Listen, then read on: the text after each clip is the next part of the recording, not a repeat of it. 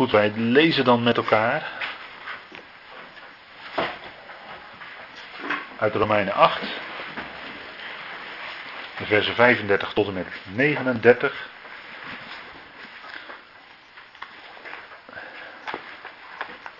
Dat is het gedeelte waar we gebleven waren met elkaar. En daar schrijft Paulus: Wie, of je kunt beter daar lezen, wat zal ons scheiden van de liefde van God die in Christus Jezus is? Verdrukking of benauwdheid, of vervolging, of honger, of naaktheid, of gevaar, of het zwaard. Gelijk geschreven staat: Om uwentwil worden wij de ganse dag gedood. Wij worden gerekend als slachtschapen. Maar in dit alles zijn wij meer dan overwinnend door Hem die ons heeft liefgehad. Want ik ben verzekerd dat nog dood, nog leven, nog engelen, nog machten, nog heden, nog toekomst, nog krachten, nog hoogte, nog diepte, nog enig ander schepsel ons zal kunnen scheiden van de liefde Gods, welke is in Christus Jezus, onze Heer. Tot zover dit uh, gedeelte.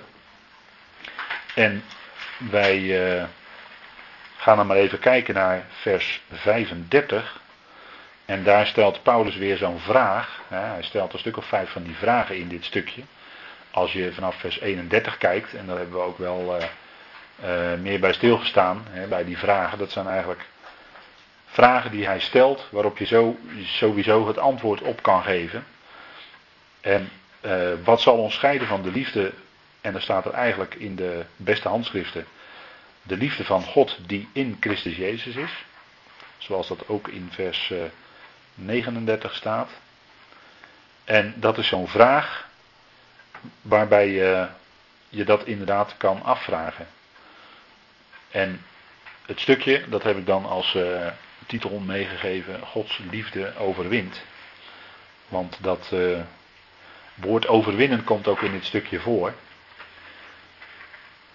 En we zullen nog wel zien wat voor woord dat nou precies is.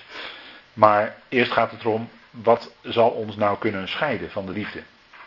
Liefde, Gods liefde, en we weten allemaal heel goed dat daaronder dat Griekse woord agape ligt.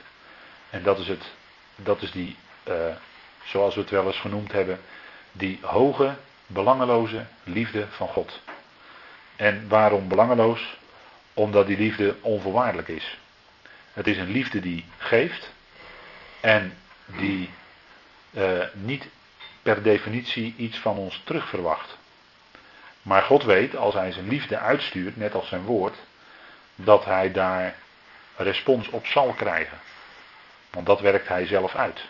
Hij werkt zelf dat antwoord van liefde in ons hart uit. En wij reflecteren dan die liefde die van hem naar ons toe komt. En dat reflecteren we terug naar hem toe.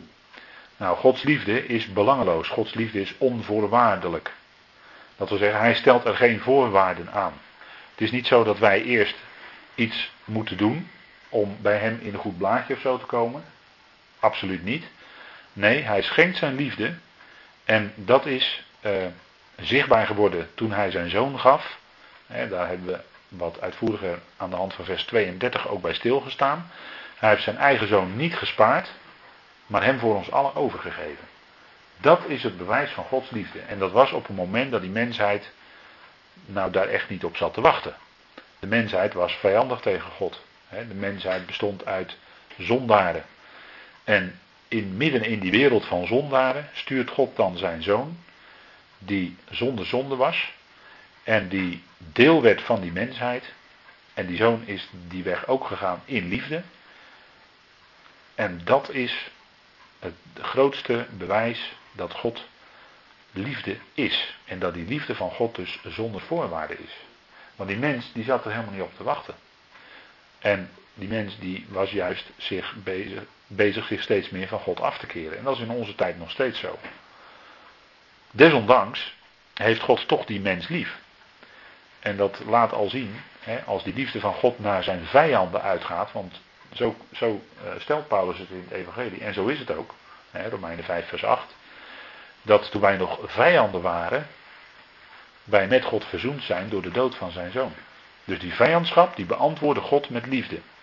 Door zijn eigen zoon te sturen. Nou, dat is het bewijs dat die liefde van God onvoorwaardelijk is. Die mensheid hoefde niet zichzelf eerst te verbeteren voordat God zijn zoon zou sturen. Ik zou eerder zeggen, integendeel. Omdat die toestand zo slecht geworden was, daarom stuurde God zijn zoon. Om die mensheid te redden. Hij liet die mensheid niet zitten in hun zonde, in hun vijandschap en noem maar op. Hè, in hun afbraak van zichzelf. Gods liefde overwint. En omdat Paulus de apostel is die het diepst de betekenis van de kruisiging en de opstanding van onze Heer Jezus heeft mogen doorgronden en mogen opschrijven. De uitwerking daarvan. Daarom komt hij ook tot zo'n overwinningslied in dit stukje van hoofdstuk 8. Gods liefde overwint. En dat staat eigenlijk als titel, zou je kunnen zeggen, boven het hele plan van tijdperken, het hele plan van Ionen. Gods liefde overwint. Aan het eind van de Ionen zal blijken dat niet de gedachten van de mensen, dat niet de tegenwerker, nee, dat God overwint. En dat Gods liefde de grote triomfator is over alles. Over alle vijandschap, over alle tegenwerking, over alle tegenstand. Nou, dat is wat Paulus hier ook naar voren brengt. Hè? En wij als gelovigen nu beseffen dat als eerste. Liefde, wat doet liefde? Hè? Wat doet liefde? Wat werkt liefde uit? Liefde werkt eenheid uit. Dat heb ik wel eens vaker gezegd. Maar eh, het is ook niet toevallig dat in het Hebreeuws die woorden liefde en eenheid dezelfde getalswaarde hebben, 13. Dat is niet toevallig, want het heeft alles met elkaar te maken. Hè? Liefde bewerkt eenheid. Daar waar Gods liefde functioneert, onder de gelovigen, daar is ook eenheid. Daar is geen verdeeldheid. En dat is ook waarom Paulus in Colossense 3 zegt, daar moet ik dan ineens aan denken, dat hij zegt, nou, hè, innerlijke ontferming, warmhartigheid, geduld met elkaar, en doet over dit alles de liefde aan als de band van de volkomenheid. En als we dat als gelovigen doen, die liefde echt aan hebben, dan is er ook automatisch eenheid onder de gelovigen. want die verdeeldheid die zit altijd in het vlees.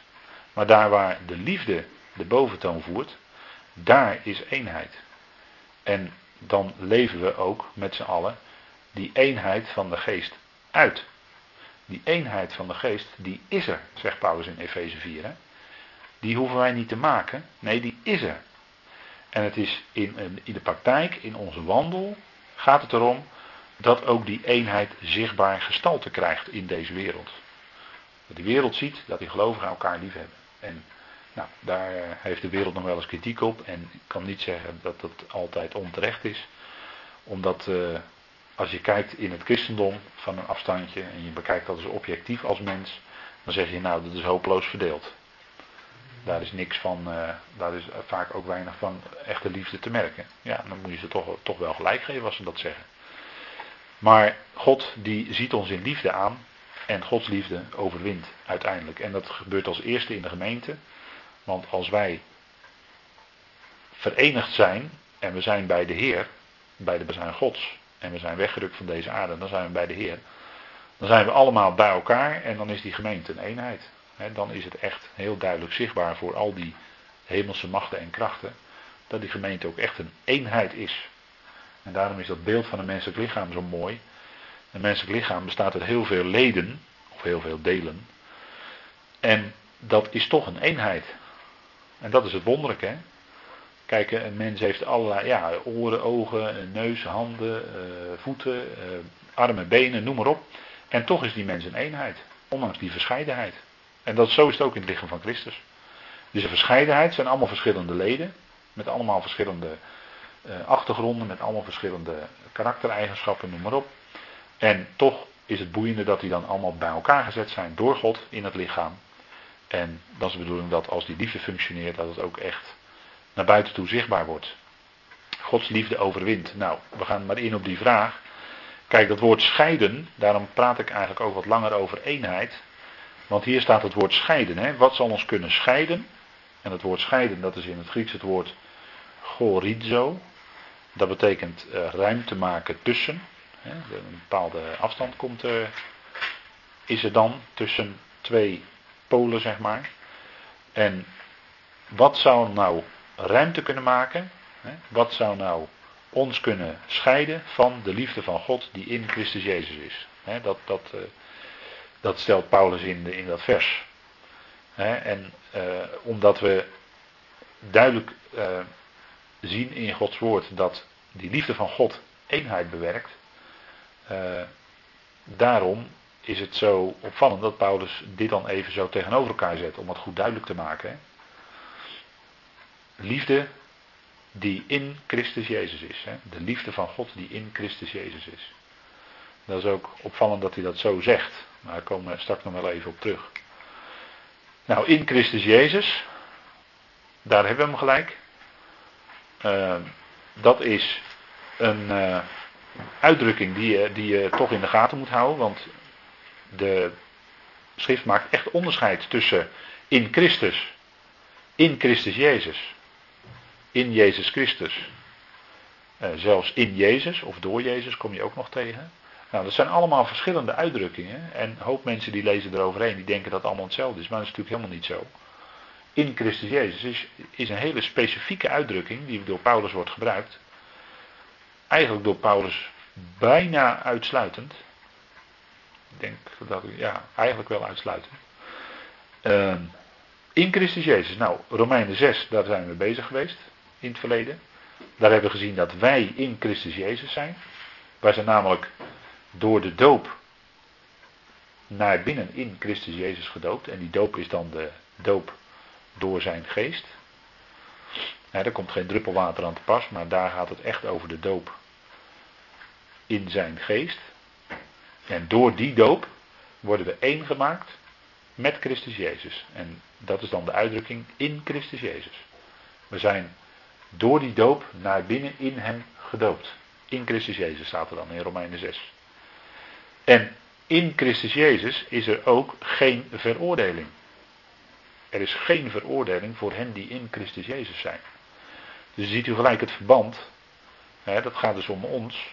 Hè, wij die horen bij dat lichaam. Voor ons is er dan ook geen enkele veroordeling. We zijn niet meer te beschuldigen, dat hebben we in de voorgaande versen gezien. We zijn niet meer aan te klagen. Er is geen enkele veroordeling meer mogelijk. En dat is het geweldige natuurlijk, hè, dat Romeinen 8 spreekt daarover. En in deze versen komt Paulus daar nog eens op terug. En dan in Christus Jezus is ook Gods liefde. En dat zegt Paulus dan dus twee keer in dit stukje wat we gelezen hebben, vers 35 en vers 39. En dan ziet u eigenlijk dat, als je dat op een rijtje ziet, is het eigenlijk heel logisch. Hè? Wij zijn in Christus Jezus. In Christus Jezus is er geen veroordeling. En dus kan niets ons scheiden van zijn liefde, want die is ook in Christus Jezus. Dus als Gods liefde in Christus Jezus zo gestalte krijgt, en wij zijn in Christus Jezus, dan kan er dus niks scheiding maken tussen ons en Gods liefde. En dat is natuurlijk het, eh, het, geweldige wat hier staat. dat we die zekerheid hebben. En dat, dat uh, roept Paulus ook uit in dit stukje. Dat hij die zekerheid heeft van die verzekering van Gods liefde. En waarom is dat zo zeker? Omdat die liefde niet aan voorwaarden gebonden is. God heeft ons namelijk altijd lief. Ongeacht welke levenssituatie wij zijn. Ongeacht de dingen die wij goed of fout doen. Gods liefde blijft staan. Gods liefde blijft aanwezig en God blijft ons lief hebben. dat is eigenlijk wat, je, wat velen al hebben gezegd, dat is eigenlijk die onbegrijpelijke liefde van God. Waarom is dat onbegrijpelijk voor ons? Omdat die zo anders is dan de onderlinge menselijke liefde, de, de filijn, de filio. Dat is vaak toch afhankelijk van, nou ja, als jij eh, leuk en aardig tegen mij doet, dan doe ik dat ook tegen jou. En als je dat niet meer doet, doe ik ook tegen jou niet meer. Zo gaat het vaak onder de mensen. Maar Gods liefde is niet, daar niet van afhankelijk. Of iemand nou wel of niet het goed doet. Nee, God blijft lief hebben. En dat is natuurlijk het fantastische, dat wij daar helemaal in zijn, hè, in die liefde van God geborgen. Dat is de zekerheid die Paulus had leren kennen. Gods liefde. Nou, wat zou scheiding kunnen maken? En dan gaat Paulus het toch opzommen. Eigenlijk was het een retorische vraag. Hè? Wat zou nou scheiding kunnen maken tussen Gods liefde en ons? Nou, eigenlijk kunnen we daar zo het antwoord op geven. Niets. Maar in ons leven van elke dag gaan wij door allerlei ervaringen heen. En daarom gaat Paulus toch een aantal dingen opsommen, die hij ook zelf had meegemaakt natuurlijk. En nog wel heel wat meer dan wij, denk ik vaak. En de gelovigen in die tijd in het Romeinse Rijk hadden het ook niet makkelijk. Die herkenden dit, uh, dit rijtje ook wel. En gelovigen vandaag de dag in uh, landen als uh, China, Noord-Korea, noem maar op. Die hebben het ook niet makkelijk. Die, die kennen ook elementen uit dit rijtje. En wij hier in Nederland, ja, wij hebben het eigenlijk wel erg makkelijk, hè. Wij hebben een huisje, boompje, beestje. En we hebben dan goed en we worden niet vervolgd en noem maar op. Ja, mensen hebben misschien nog wel eens moeilijk met het idee dat jij gelooft en verklaar je dan misschien voor gek of zo, weet ik wat. Dat, dat kan allemaal. Maar directe actieve vervolging, bijvoorbeeld vanuit de overheid, zoals dat in landen gebeurt. En zoals het natuurlijk in Rusland lange tijd het geval was, bijvoorbeeld, hè, waar uh, echt een atheïstisch uh, regime, uh, communistisch, dat is tegelijkertijd atheïstisch, hè, dat, is, dat, is, dat zeg maar hetzelfde. daar werden de gelovigen wel ernstig vervolgd. Nou, dat is, ja, maar dit, ja, verdrukking. Nou, verdrukking, ik denk dat we het ook wel. Druk van buitenaf is dat. Je staat onder druk. En dat kan. Dat kunnen we allemaal meemaken. Het hoeft niet, het hoeft niet actieve vervolging direct te zijn. Dat wordt wel genoemd in het, uh, als derde punt. Maar uh, verdrukking, actieve verdrukking, in de zin van vervolging, dat kennen wij hier niet. Of moet ik zeggen, nog niet. Maar daar zit, ik denk wel eens, daar zitten we vrij dichtbij. Maar we kunnen wel verdrukkingen ondergaan, omdat we hè, als gelovigen, uh, ja, wij, uh, wij kennen natuurlijk een boodschap die de apostel Paulus uh, predikt, en dat geven wij door. En daar zitten ook veel gelovigen niet echt op te wachten. Want die, ja, God alles in allen, hè, God redden van alle mensen. Nee, dat gaat er niet in. Dat is geen populaire boodschap. Je zou denken van wel bij gelovigen, maar het gekke is dat het helemaal niet populair is. Want uh, ja, mensen hebben toch veel traditie van huis uit meegekregen vaak.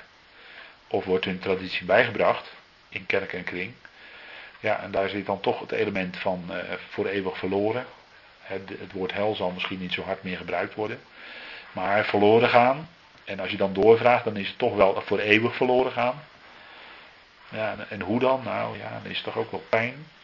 Het wordt dan, ja. En dat is wat men dan toch meent dat de schrift dat zegt. Maar dat is natuurlijk niet het geval. De schrift spreekt helemaal niet over een hel en over eeuwige pijniging en dat soort uh, vreselijke beelden. Uh, want dat past ook helemaal niet bij het beeld van God wat in de schrift naar voren komt. hoe kun je nou rijmen dat God liefde is als hij mensen voor eeuwig verloren laat gaan? Hoe kun je dat nou met elkaar rijmen? Dat is toch niet met elkaar te rijmen? En hoe kun je iemand een eeuwige straf opleggen voor daden die hij in een kort leven van, wat zullen we zeggen, 30, 40, 50, 60, 70 jaar gedaan heeft? En daar dan voor eeuwig voor straffen? Nee. Dat is uh, zo'n vreemde gedachte eigenlijk, als je er goed over nadenkt. Dan zeggen ze ja, maar het staat toch in de Bijbel. En dan, als je dan doorvraagt, dan wordt het toch al wat moeilijker waar dat dan precies staat. Maar als je zelf als je zelf op onderzoek uitgaat, dan kom je er wel uit. Maar het is vaak heel moeilijk, dat, is het, dat is het grote punt, het is vaak heel moeilijk om door die muur van traditie heen te komen. Want die traditie die ligt als het ware als een deken over die schrift. En daardoor kan men vaak niet onbevangen meer die schrift lezen. En daardoor kunnen wij ook wel eens verdrukking lijden door andere gelovigen. Paulus kreeg de meeste verdrukking in zijn leven door zijn Joodse broeders. Die zaten me het meest op de huid, gek genoeg. Maar dat had te maken met, ja, toch met die traditie, een stuk wetticisme wat erachter zat. Uh, noem maar op. Hè. Dus hij werd er ook van beschuldigd. Lees maar in handelingen hoor, daar staat het handelingen 21 meen ik. Dat hij tegen de zeden of tegen uh, Mozes inging. Of dat hij tegen Mozes leerde. Dat werd hem voor de, dat werd hem voor de voeten gegooid. Hè? Hij leerde zogezegd afval van Mozes. Nou, dat is nooit goed naar Paulus geluisterd. Maar dat werd natuurlijk wel. En daardoor werd hij ook verdrukt. Nou, druk van buitenaf kunnen wij ook meemaken.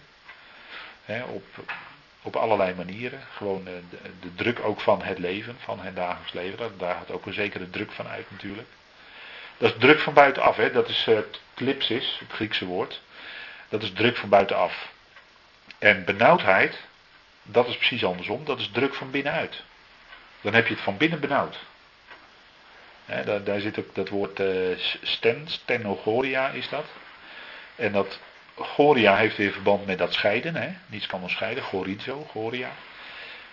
Dat wil dus zeggen dat er van binnen weinig ruimte meer is. Dat je van binnen benauwd bent. Je voelt je van binnen onder druk. dat, dat, uh, ik denk dat we dat gevoel wel eens kennen onder omstandigheden. Dat je van binnen gewoon als het ware dicht, dicht zit. Nou, dat, dat kan ook gebeuren. Benauwdheid, druk van binnen. Dat kan je meemaken. Uh, vervolging. Hè, vervolging, dat betekent je wordt achterna gezeten, er wordt op je gejaagd. Je wordt vervolgd. Nou, ik denk dat Paulus daar alles van wist. die uh, ging de stad in en dat predikte niet en dan kreeg hij bijna letterlijke stenen naar zijn hoofd. En uh, ja, als je, kan je natuurlijk ook gebeuren dat als je tegen andere gelovigen ook iets zegt over het evangelie eh, van, van wat echt het evangelie is, dat God de redder van alle mensen is, want dat is het evangelie. Dan, dat je dan geestelijk gezien de stenen naar je hoofd krijgt. Hè? Dat je bestempeld wordt als, uh, ja, noem maar op, alverzoener. En wat je dan ook allemaal maar naar je hoofd krijgt. Maar zou je kunnen zeggen, ja, dat is misschien een vorm van vervolging. Maar Paulus ervoer dat wel heel erg. En gelovigen in die tijd, hè, die werden ook vervolgd. Hè. Dat is ook in de tijd na Paulus gebeurd. Hè. Nero was geen kinderachtige keizer, wat dat betreft die uh, vervolgde de gelovigen nogal heel zwaar, heel hevig. Er zijn veel martelaren toen geweest die letterlijk hun leven hebben gegeven omdat ze in Jezus geloofden. Die hebben dus letterlijk hun leven erbij moeten laten. En zo zijn er heel wat geweest in de loop van de kerkgeschiedenis. Denk maar aan uh, de inquisitie van de Rooms-Katholieke Kerk. Wat denk je daarvan? Die hebben er ook heel wat uh, echt letterlijk gedood. Dus gelovigen die krijgen wel eens te maken met vervolging. Maar ja, verdrukking, benauwdheid, vervolging. Maar dan zegt Paulus, zijn dat nou facetten waardoor je, die jou kunnen scheiden van de liefde van God? Nou, eigenlijk weet je daarop het antwoord. Hè? Ook als je verdrukt wordt, ook al ervaar je benauwdheid van binnen, ook als je vervolgd wordt, en misschien wel hevig vervolgd wordt, dat zijn dingen die niet een teken zijn van Gods misnoegen. als je vervolgd wordt, wil niet zeggen dat God dan boos op jou is of zo. Nee, God heeft jou lief. En al die dingen die ons overkomen, dat zijn nooit tekenen van zijn misnoegen. Maar het zijn ten diepste, ten diepste gaat het niet buiten zijn liefde om. En dat wil dus zeggen dat als we in een moeilijke situatie zitten, dan leidt dat er altijd toe dat we dichter naar de Heer toe worden gedreven. Toch? Als je het moeilijk hebt, als je in nood zit, dan word je altijd naar de Heer toe gedreven. Dus dat heeft ook nog een, die kant, hè? laten we zeggen een hele goede kant. Je blijft heel erg dicht bij hem. Lees maar getuigenissen van gelovigen die misschien jarenlang om hun geloof in de gevangenis hebben gezeten. En als ze dan uh, uit die gevangenis komen, dan, dan straalt hun gezicht. Dan kunnen ze misschien wel uh, fel overbeen zijn. En uh, heel vervelende dingen daar hebben meegemaakt. Maar ze hebben een stralend gezicht. Want in die situatie ervoeren ze zo heel, heel erg die nabijheid van God. En leerden ze ook om helemaal op Hem te vertrouwen. En dat is dan ook weer een uitwerking ervan. Hè? Nou, je kunt je voorstellen honger. Hè? Paulus heeft ook honger geleden. Hè? Gebrek aan voeding is dat. Het is wat je tekort komt. Hè? Het zijn allemaal dingen waarin je, waar, of een aantal van die dingen, zo, daarvoor zou je kunnen zeggen, nou, dat, daar, daar heb je tekort aan. Daar, leid je gebrek aan. Nou, honger, gebrek aan voeding. Dan komt het heel erg dichtbij. Mensen die de Tweede Wereldoorlog hebben meegemaakt, die, die, die weten dat nog. Maar ja, die generatie wordt natuurlijk steeds meer uitgedund. Maar die weten de hongerwinter, hè, 44, 45, die weten wat hongerlijden is. Dan heb je echt gebrek aan voeding. Kijk, wij zeggen, ja, ik heb zo'n honger. Ja, dat, heb je geen honger, dan heb je trek. Wij hebben nooit honger, wij hebben alleen maar trek. Maar ook dat is een, iets wat je kan overkomen in je leven. Dat je daadwerkelijk honger lijdt. en hoeveel. Kijk, wij leven hier op een eilandje. West-Europa, Noord-Amerika. We leven op een eilandje hoor. Want ga maar kijken in Zuid-Amerika. Ga maar kijken in Azië. In Afrika. In, in China. In Rusland. In, in noem maar op. Daar wordt honger geleden. In al die landen. En dan niet, niet klein beetje, maar op grote schaal. En wij hebben hier altijd overvloed aan voedsel. Dat, dat beseffen we vaak niet. Maar, en, juist die mensen in die landen, hè, waar, ja, waar dan al te weinig is, die worden dan nog uh, vervolgd. En dat kan zelfs ook nog een vorm zijn dat dan hun uh, voedsel wordt onthouden. Of dat ze te weinig voedsel hebben. Nou, dat kan je dus allemaal overkomen als gelovige. En dan zeg je misschien wel van tevoren van ja, maar ja, ja, als mij dat overkomt, hoe zou ik dan reageren, dit en dat. Daar zitten mensen dan wel eens over in. En dan denk ik van nou, als je gelovige bent, dan uh, ga je toch, denk ik, die, die weg die uh, alle gelovigen gaan, je gaat het toch bij hem zoeken en dan vind je het bij hem ook. Hè? In de omstandigheid waarin je bent. Kijk, gelovigen hebben ook nog wel eens gedacht van uh, dat als je, hè, dat, dat is dan wat we dan noemen het zogenaamde welvaartsevangelie. Maar dat is geen evangelie hoor. Maar als je, als je nou maar gelovig bent, nou dan, uh, dan krijg je voorspoed en dan gaat alles je voor de wind en dan gaat het allemaal goed en dan heb je niks gebrek. Nou moet je kijken wat Paulus hier opzomt. En wat Paulus allemaal overkwam. En het leven van een gelovige is niet dat het je allemaal voor de wind gaat en dat je voorspoed hebt en dat je. Dat kan best gebeuren en daar is op zich niks mis mee. Maar daar moet je als gelovige niet van uitgaan. Kijk, onze zegeningen zijn hier niet op aarde, maar onze zegeningen zijn in Christus te midden van de hemelingen. Dat zijn geestelijke zegeningen. God heeft ons geen aardse zegeningen beloofd. Nee, hij heeft ons geestelijke zegeningen aangezegd. En dit zijn allemaal van die dingen die hier op aarde ons kunnen overkomen. En eigenlijk zouden we niet verbaasd hoeven te zijn als die dingen ons overkomen. Want we hebben hier van, van deze aarde, hebben wij eigenlijk helemaal niets te verwachten. En, en je bemerkt bij, bij gelovigen nog wel eens dat ze, ja, dat ze toch onwillekeurig, uh, nou ja, het gaat eigenlijk best goed. Hè? Het gaat wel goed naar, naar de vlezen, zal ik maar zeggen. En uh, ja, nou, dan voelen ze zich eigenlijk toch best uh, wel, wel thuis hier op aarde. Hè? Want ja, we, we, hebben het goed met elkaar en we, hebben, we hebben niks gebrek en noem maar op. En ja, dat zijn juist die elementen die ervoor zorgen dat wij zo erg aan die aarde vast gaan zitten.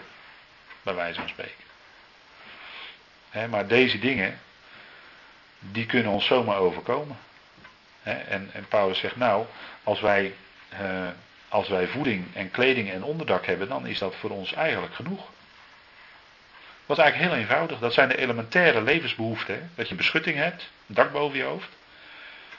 Dat je elke dag voldoende te eten hebt en dat je voldoende kleding hebt. Dat zijn eigenlijk de drie hoofdelementen, zegt Paulus in 1 Timotheus 6.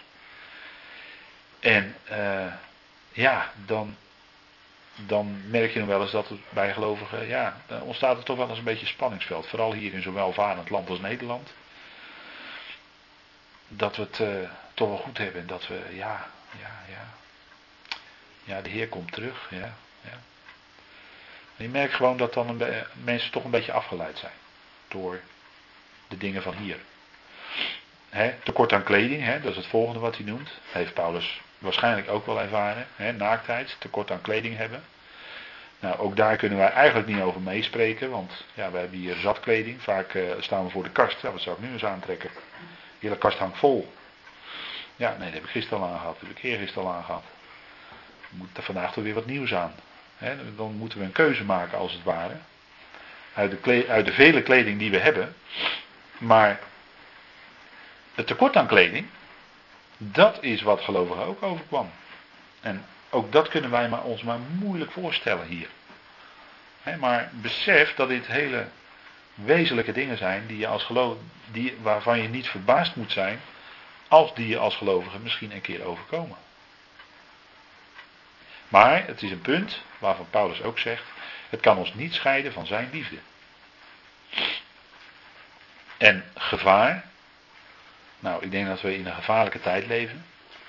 Als we het hebben over gevaar, dan is het hè, uh, allerlei vormen zijn er van gevaar die, ons, uh, die op ons afkomen.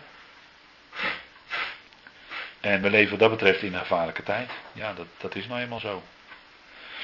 hoe dichter we komen bij het moment dat de Heer echt terugkomt en bij de bazuin gaan horen, dan komt ook het moment dichterbij dat de tegenstander met zijn, uh, uh, hoe moet ik dat zo zeggen, met zijn gevolg, lees openbaring 12, uit de hemel wordt geworpen op de aarde.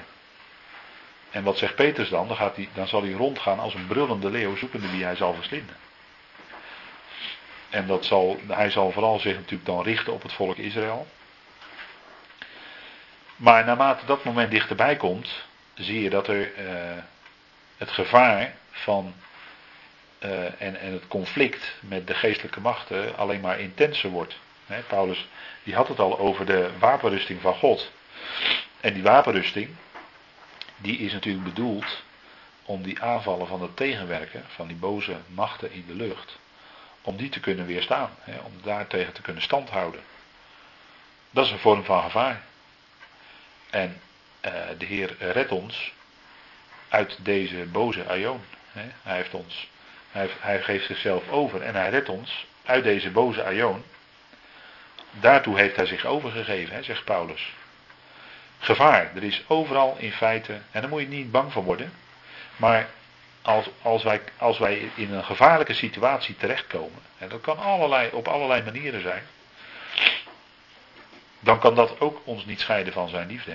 Dan is dat ook geen teken van zijn misnoegen. Maar wij leven altijd hè, in, eigenlijk onder, uh, ja, onder Gods, uh, uh, Gods liefde God glimlacht eigenlijk altijd naar ons. En hij, heeft ons, hij heeft ons onverkort lief, ondanks de situatie waarin we zijn. En het zwaard, dat is wel heel heftig, hè, wat Paulus dan als laatste noemt. Hè. Eigenlijk uh, zou je bijna zeggen, het is een opklimmende reeks. Het zwaard, dat is vijandschap die we tegenkomen. Dat is doodsdreiging. Hè. Nou, dat, dat hebben we dan denk ik niet zo snel. Maar voor de gelovigen toen de tijd was het heel reëel. Als je in het Romeinse Rijk kijkt, toen de gemeente net ontstaan was, zijn er heel veel gelovigen, heel veel christenen zijn door het zwaard omgekomen. Acute doodsdreiging. En dat ging uit ook van de overheid zelfs. Nero was keizer in Rome.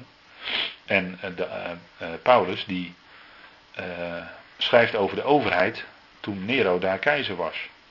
En terwijl dat zwaard van Nero daadwerkelijk ook de gelovigen bereikte.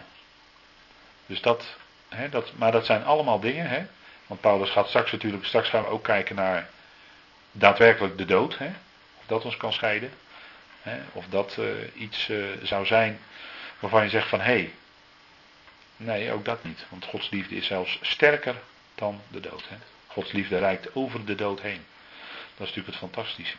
Nou, wat zou ons kunnen scheiden? Dan hebben we een heel rijtje gehad.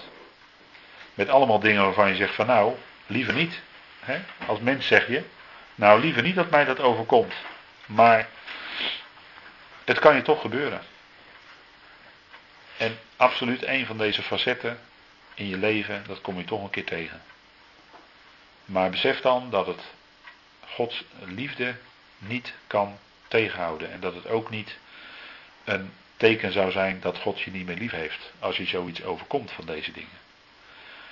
Dus dat is uh, denk ik een, uh, een, een, geweldig uh, punt dat Paulus toch daarover uitweidt. hij had heel kort kunnen zeggen: wat zal ons kunnen scheiden van de liefde van God die in Christus Jezus is? Niets, uitroepteken. Had hij ook kunnen doen. Maar nu wijdt hij erover uit en dan noemt hij toch een aantal dingen die we in ons leven kunnen ervaren. En dan kan je dan over nadenken. En dan besef je, hé, hey, in dat alles zal het, hè, is, er, is dat absoluut geen enkel moment hoeven dan te twijfelen aan Gods liefde. Wat ons ook overkomt. Maar Gods liefde is onverkort voor ons en, en gaat naar ons uit. voor de volle 100% zou ik willen zeggen. Nou, dat is het geweldige. En op deze aarde, ja, van deze aarde hoeven wij eigenlijk ook niet zoveel te verwachten. ons leven is in feite verborgen met Christus in God. Daar is ons leven. Boven. Bij Hem.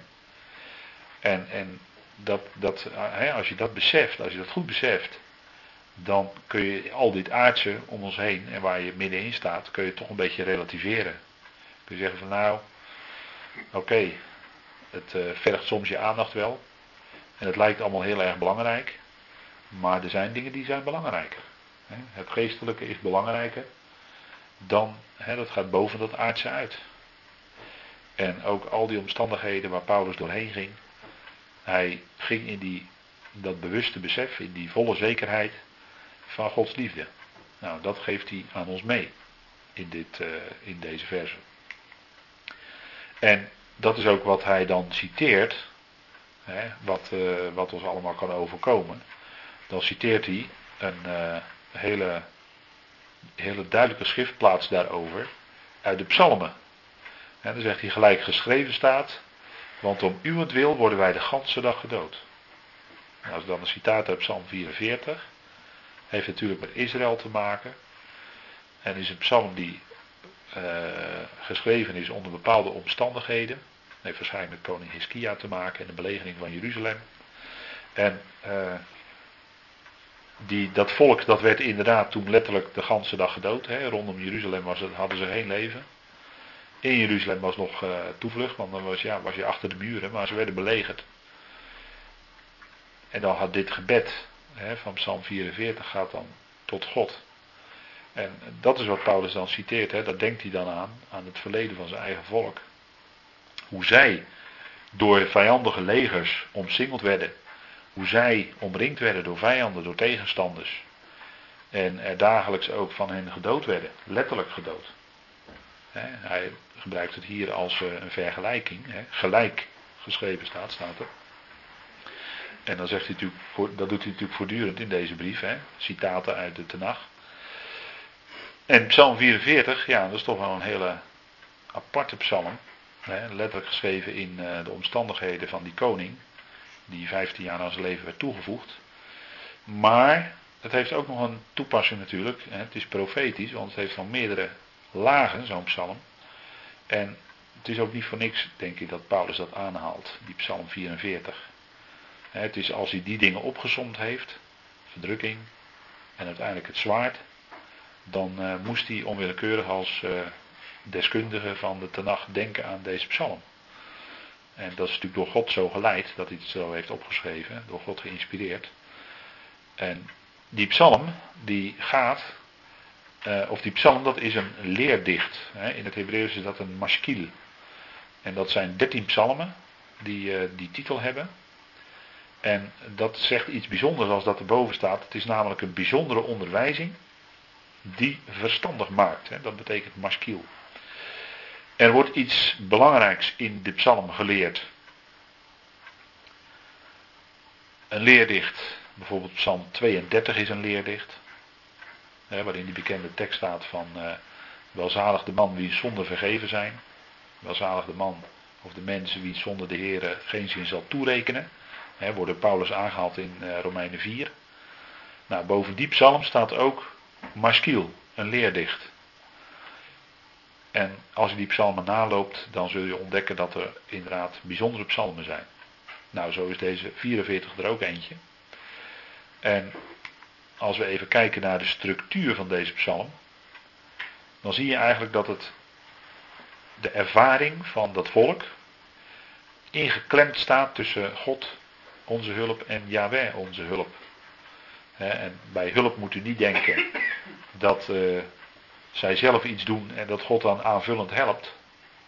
Maar bij hulp moet u echt denken aan Ezer, aan degene die de krachtige is en degene die alles doet. Degene die zijn volk helemaal verlost. En alles, uh, ja, alles in, uh, in orde brengt eigenlijk. Hè? En dan is dat gebed in die versen 10 tot 15, 18, 23 over, gaat het over ons. Hè, moet u voor uzelf nog maar eens rustig nalezen. En dan in 16 en 17 gaat het om mij, enkelvoud. En dan zou je kunnen zeggen, hé, hey, daar lijkt het net alsof je de Heer Jezus zelf ziet bidden. En dan krijgt het ineens een enorme diepte, die psalm. Hè? En in feite spreekt elke psalm over hem.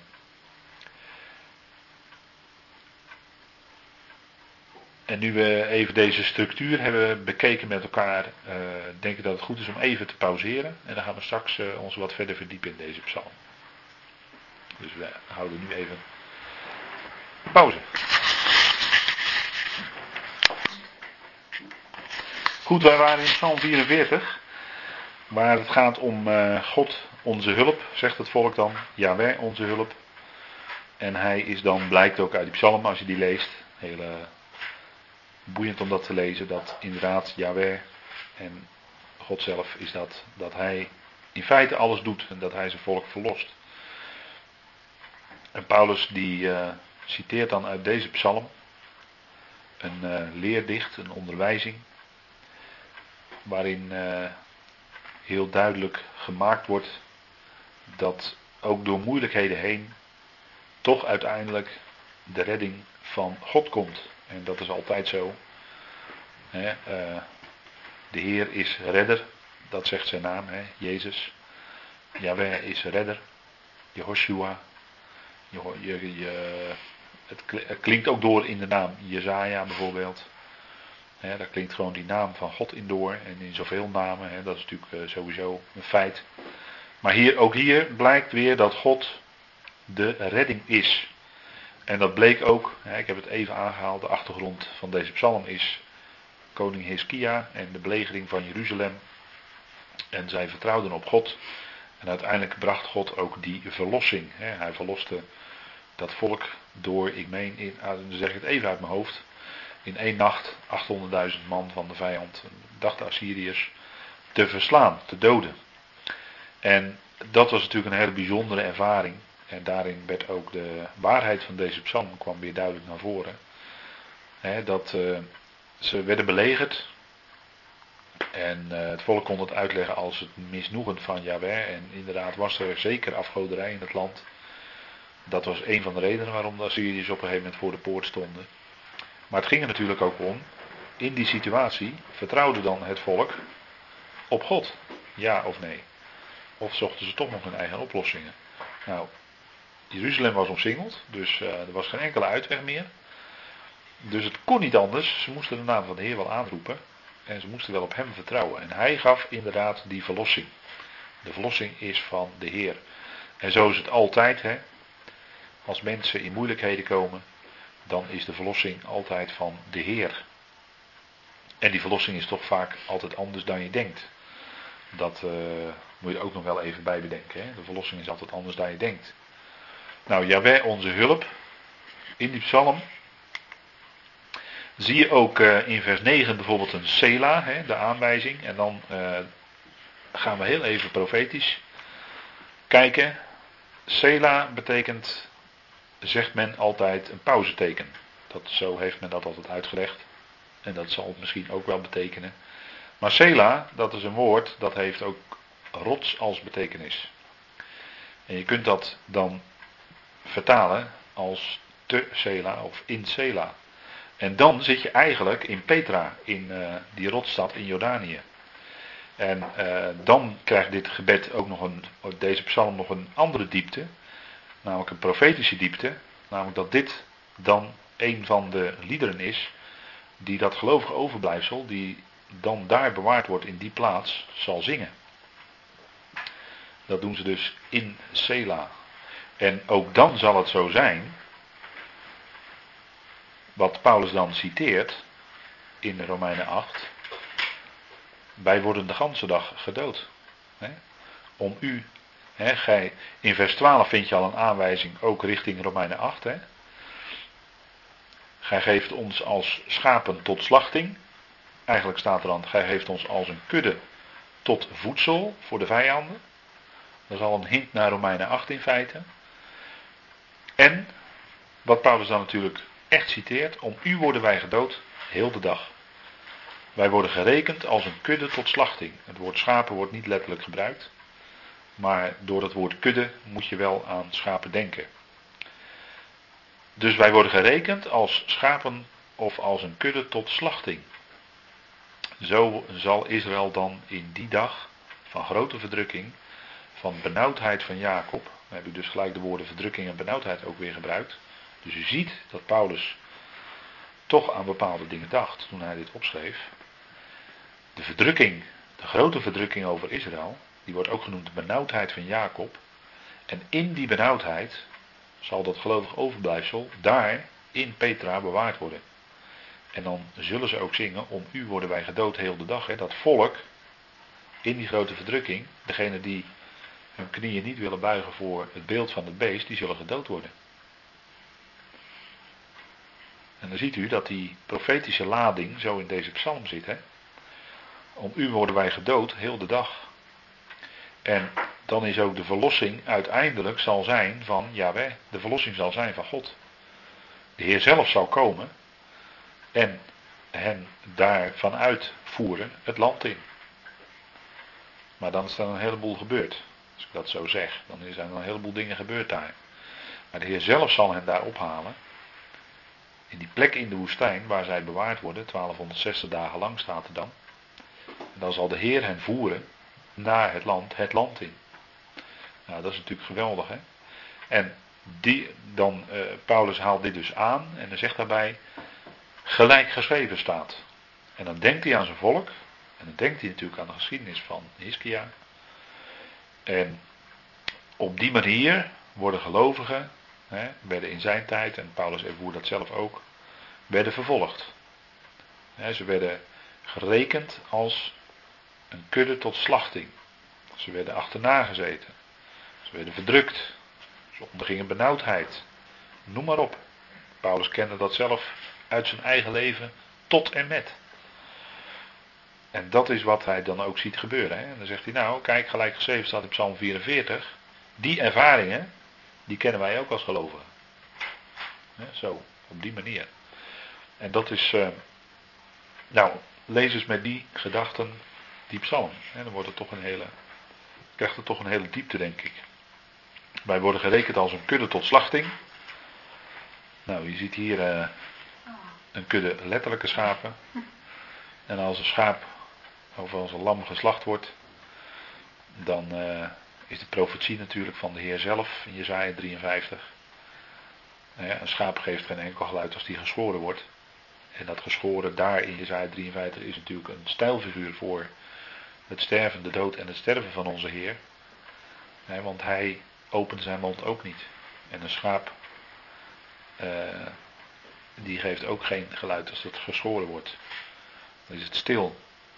En zo was hij dat ook. Hij onderging dat lijden. Nou, en dan zegt Paulus, wij worden gerekend als een kudde tot slachting. dus wij hebben het hier niet van dit leven te verwachten. En dan zegt hij daarbovenuit, hè, als hij dit in vers 36 heeft gezegd, hè, om uwentwil worden wij de ganse dag gedood, we zijn gerekend als slachtschapen, als een kudde tot slachting. Dat is wat een gelovige hè, in feite in zijn leven kan verwachten. Dat is allemaal helemaal niet dat het van een leien dakje gaat. Dat is juist vaak dan veel, misschien wel veel moeilijkheden. Vervolging, druk, benauwdheid. Maar, zegt Paulus, in dit alles zijn wij meer dan overwinnaars meer dan overwinnend, er staat eigenlijk een werkwoord. Hè, super overwinnend zou je kunnen zeggen. Dat, uh, dat woord Nike, hè, Nike, dat, is, dat zit in dat Nikao, dat is daarvan afgeleid. Overwinning. Nou, eigenlijk staat er over overwinnen. Nikao betekent al overwinnen. Maar Paulus zet er nog eens een keer hyper voor. En dan is het over overwinnen. Dat wil zeggen, wij hoeven niet te strijden. Want hij heeft de overwinning al behaald. En daarom zijn wij meer dan He, daarom zijn wij over overwinnend. Het is niet zo dat wij die overwinning moeten behalen. Nee, hij heeft die overwinning al behaald. Hij is overwinnaar. En daarom kan Paulus dit schrijven. Dat wij meer dan overwinnend zijn. Wij hoeven die overwinning helemaal niet te behalen. Wij betreden grond, zou je kunnen zeggen, waar de strijd al lang gestreden is. Hij heeft voor ons gestreden. En zo zal het ook straks zijn met het volk Israël. Dat is ook de grote, het grote onderwijs. We hebben het over een maskiel, hè, over een leerdicht, Psalm 44. De grote strijd die straks komt, dan zal hij strijden voor zijn volk. Lees maar na in Zacharia, daar staat het. Hij zal uit, uitgaan en strijden voor zijn volk. Net als ten dagen, refereert hij aan een eerdere gebeurtenis, waar ook de Heer streed voor het volk.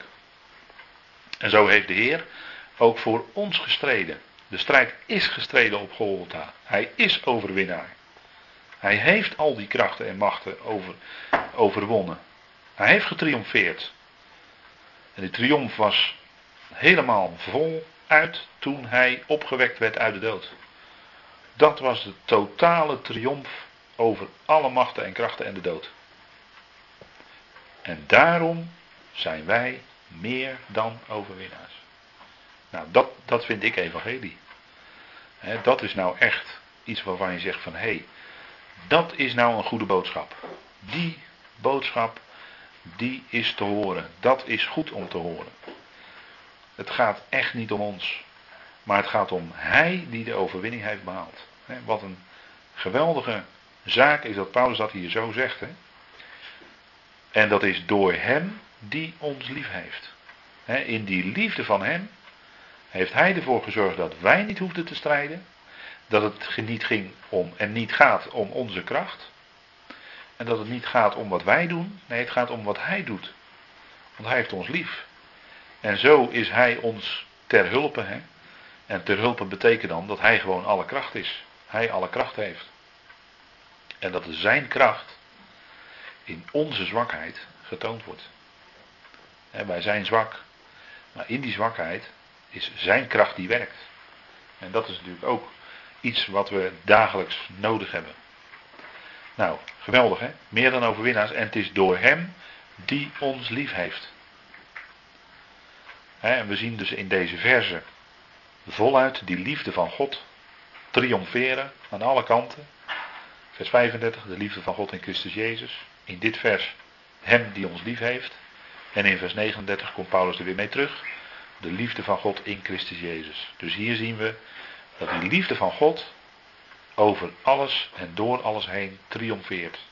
Die liefde van God overwint inderdaad alles. En dat is het geweldige, hè, dat wij het helemaal 100% van Hem mogen verwachten. Hij heeft ons lief. En wat ons overkomt in ons leven, het gaat nooit buiten zijn liefde om. Het is nooit een teken dat Hij ons verminderd lief heeft. Het is allemaal in, in zijn liefde. Het is allemaal in, het past precies in zijn plan. En wij gaan die weg en hij gaat met ons mee. Wij gaan met hem mee op die weg. Nou, de overwinningsgrond betreden wij. Hè? De, de, de grond waar al de overwinning is behaald. Stap voor stap. Door hem die ons lief heeft. Hij is die grote overwinnaar. En Paulus die sluit dan af, hè, vers 38 en 39. Hè, dat is de, eigenlijk het toppunt van het overwinningslied. Hij zegt, ja, ik ben ervan overtuigd. Hè. Hij zegt, ik ben verzekerd. Eigenlijk staat er, ik ben ervan overtuigd. Dat wil zeggen, hij is in het verleden, is hij daar diep van overtuigd geworden. Dat is al gebeurd. En het resultaat ervan is dat hij vandaag, dus op het moment dat hij dit schrijft, als resultaat daarvan zich uh, in een toestand bevindt waarin hij ten volle overtuigd is en dus ook die zekerheid heeft. Hè. Hij heeft die diepe, diepe overtuiging, nou, die gewoon gelijk staat aan zekerheid. Als mensen dan vragen, joh, hoe kan je dat nou zeker weten? Nou, dat is heel eenvoudig. Het is omdat het, uh, het staat er gewoon. En je ervaart dat in je leven. Maar die ervaring is niet het bewijs, maar dat, dat het daar staat. Dat is de grond van onze, ja eigenlijk van alles, hè, wat in die schrift staat. Daarin laat God zien wie hij is. En dat je van daaruit dat ook als gelovige gaat ervaren, ja, is alleen maar een stuk bevestiging van die waarheid. Maar het gaat erom dat die overwinning is al lang behaald door hem. die feiten die daar liggen, die historische feiten, dat is de grond. En daarom is Paulus ook zo overtuigd. Het eh, heeft helemaal niets met zijn eigen inspanningen te maken. Daar had het ook niks mee te maken. Integendeel. Hij was woest. Hij joeg op de gelovigen. En, en hij was totaal niet bezig zich te bekeren naar God of zo. Totaal niet. Integendeel zelfs. En in die hoedanigheid overweldigt die liefde van God hem. En komt de Heer naar hem toe. Terwijl hij volop vijandig bezig is. Volop. Dus dat is, dat is gewoon een bewijs dat, dat hij dat doet. En dat zijn liefde uitgaat naar vijanden. En, en Paulus was er zo diep van overtuigd. Van die liefde van God. Die hij zo kracht, met enorme kracht in zijn leven had ervaren. Nou, zo geldt het ook voor ons. Hè? Wij hebben ook die liefde ervaren. Die geweldige zekerheid die voortkomt uit wat God geeft. Hè? Wat hij gedaan heeft. Wat hij in zijn woord aangeeft. Nou, ik ben overtuigd, niets kan mij scheiden. Is het dood of leven? want hij werkt hier weer met tegenstellingen, dat doet hij heel vaak. Dat is ook een goede manier om, het, om dingen duidelijk te maken. Is het nou dood of is het nou leven? Nou, dat kan men niet scheiden, zegt Paulus. Want hij heeft het weer over dat niets ons kan scheiden. Hij is in vers 35 begonnen met die vraag: wat zal ons kunnen scheiden van die liefde van God? En hij eindigt hier dat inderdaad niets ons kan scheiden. En dan noemt hij weer een aantal dingen op. dood of leven? Nee, Gods liefde is sterker dan de dood. En als wij komen te overlijden, dan doen we dat in die diepe zekerheid dat God ons op zal wekken uit die dood. Voor Hem is dat geen punt. Maar Hij wekt ons op. En het leven, het leven wat we nu leven, met al zijn voetangels en klemmen en al zijn dingen die daarin gebeuren, ook dat niet. Want Gods liefde reikt verder dan al die dingen van ons leven, van ons dagelijks leven, noem maar op boodschappers. Hè? Dan heeft hij het over hemelse machten en krachten. Die kunnen ons belagen. Die maken vaak gebruik van andere mensen om ons te belagen. Boodschappers, hè, gevolmachtigden, machten, krachten. Kunnen die ons scheiden van de liefde van God? Nee, ook niet. Want wij zijn helemaal in zijn liefde opgenomen. En er kan niets tussen komen. Ze kunnen ons wel belagen. Ze kunnen ons wel alle, via allerlei trucs proberen uit ons evenwicht te brengen. We kunnen proberen, nou noem maar op. Maar het zal die liefde van God niet kunnen tegenhouden. Absoluut niet. Tegenwoordige dingen of toekomstige dingen.